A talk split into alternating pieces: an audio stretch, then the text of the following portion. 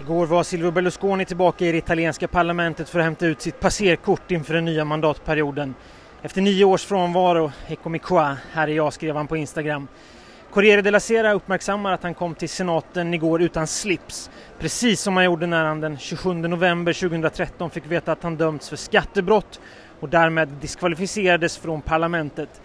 Men nu är han alltså tillbaka och kvinnan som han utsåg till minister 2008, den yngsta någonsin, Giorgia Meloni, hon ska nu bilda regering som den 31 premiärministern och första kvinnan i republiken Italien. Hon ska göra det med honom bredvid sig. God morgon hörni!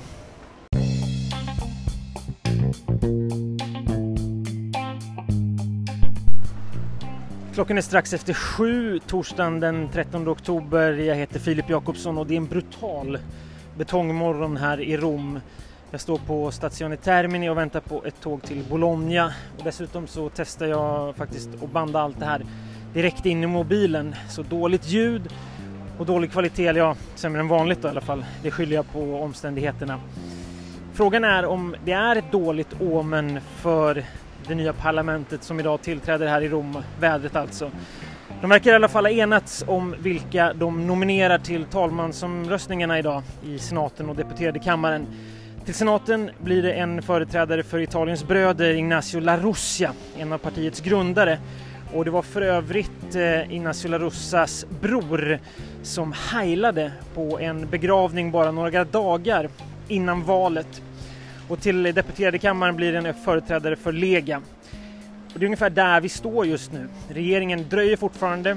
Meloni ska ju formellt få uppdraget först att bilda regering och enligt El Fatto eh, Quotidiano, tidningen, kan man fortfarande inte enas om vilket parti som ska få vilka ministerposter.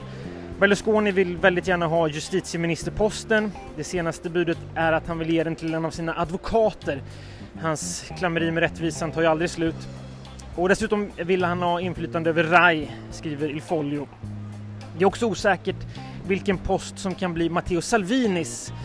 Nu verkar det vara helt uteslutet i alla fall att han får den posten som han allra helst vill ha, den som inrikesminister.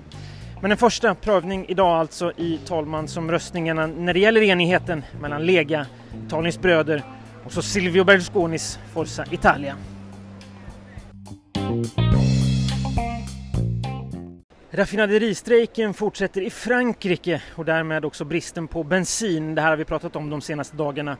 Igår tvångsinkallades de första strejkande raffinaderiarbetarna, fyra anställda på ett Esso Exxon Mobil raffinaderi i Normandie. Men strejken fortsätter. Det hade varit bättre att tvångsinkalla vår VD till förhandlingsbordet istället, sa en av de fackliga företrädarna igår. Och från och med idag så sprider sig strejken, rapporterar Liberation. Delar av kärnkraftsbranschen går idag ut i sympatistrejk. Det återstår att se om det går att få någon lösning på den här strejken innan det två veckor långa franska höstlovet drar igång. Det gör det den 22 oktober, om tio dagar alltså.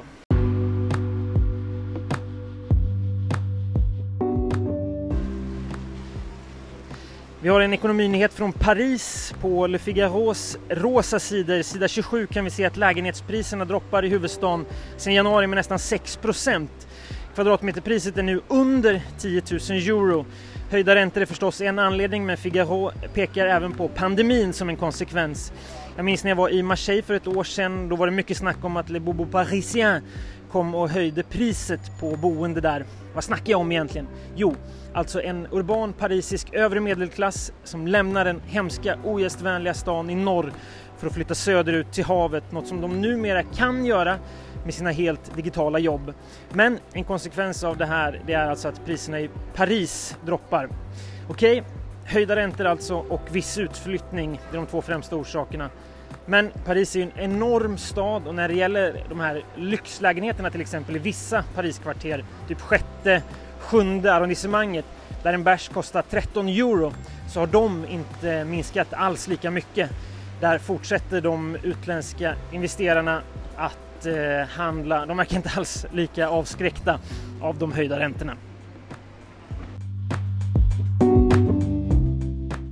Lite mer Frankrike. Le Figaro kallar den Nobeleffekten, den som Annie Ernaux snart kan åtnjuta. Hennes förlag Gallimard paniktrycker nu nämligen 900 000 ex av hennes böcker. En intressant siffra är veckan före Nobelpriset. Då såldes hennes senaste bok Le Jeune Homme i 665 exemplar i Frankrike. Veckan därpå, den mellan den 3 och 8 oktober, såldes den i 6200 ex. 6200! Då ska vi komma ihåg att hon tilldelades priset på eftermiddagen den 6 oktober. Så det är inte otänkbart att den stora delen av försäljningen skedde under två dagar, en och en halv dag alltså, av eh, förra veckan. Kul för Annie och nej, jag är inte bitter för att SVT fick en intervju med henne och inte TV4.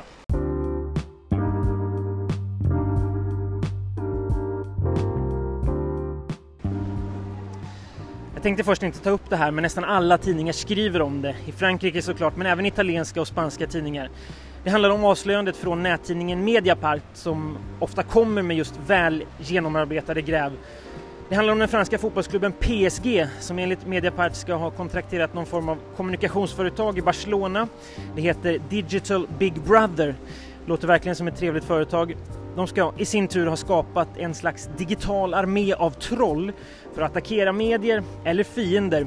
Som till exempel när Neymar anklagades för våldtäkt, då ska just den här trollarmén att ha attackerat den målsägande kvinnan.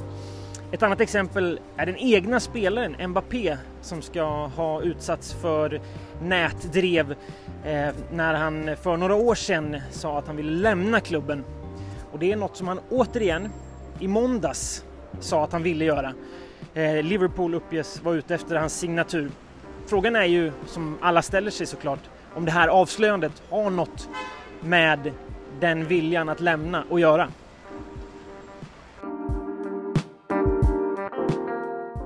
Det var allt för idag hörni. Tyvärr lite stressat och med dåligt ljud. Men jag måste verkligen eh, dra nu. Jag ska hoppa på ett tåg.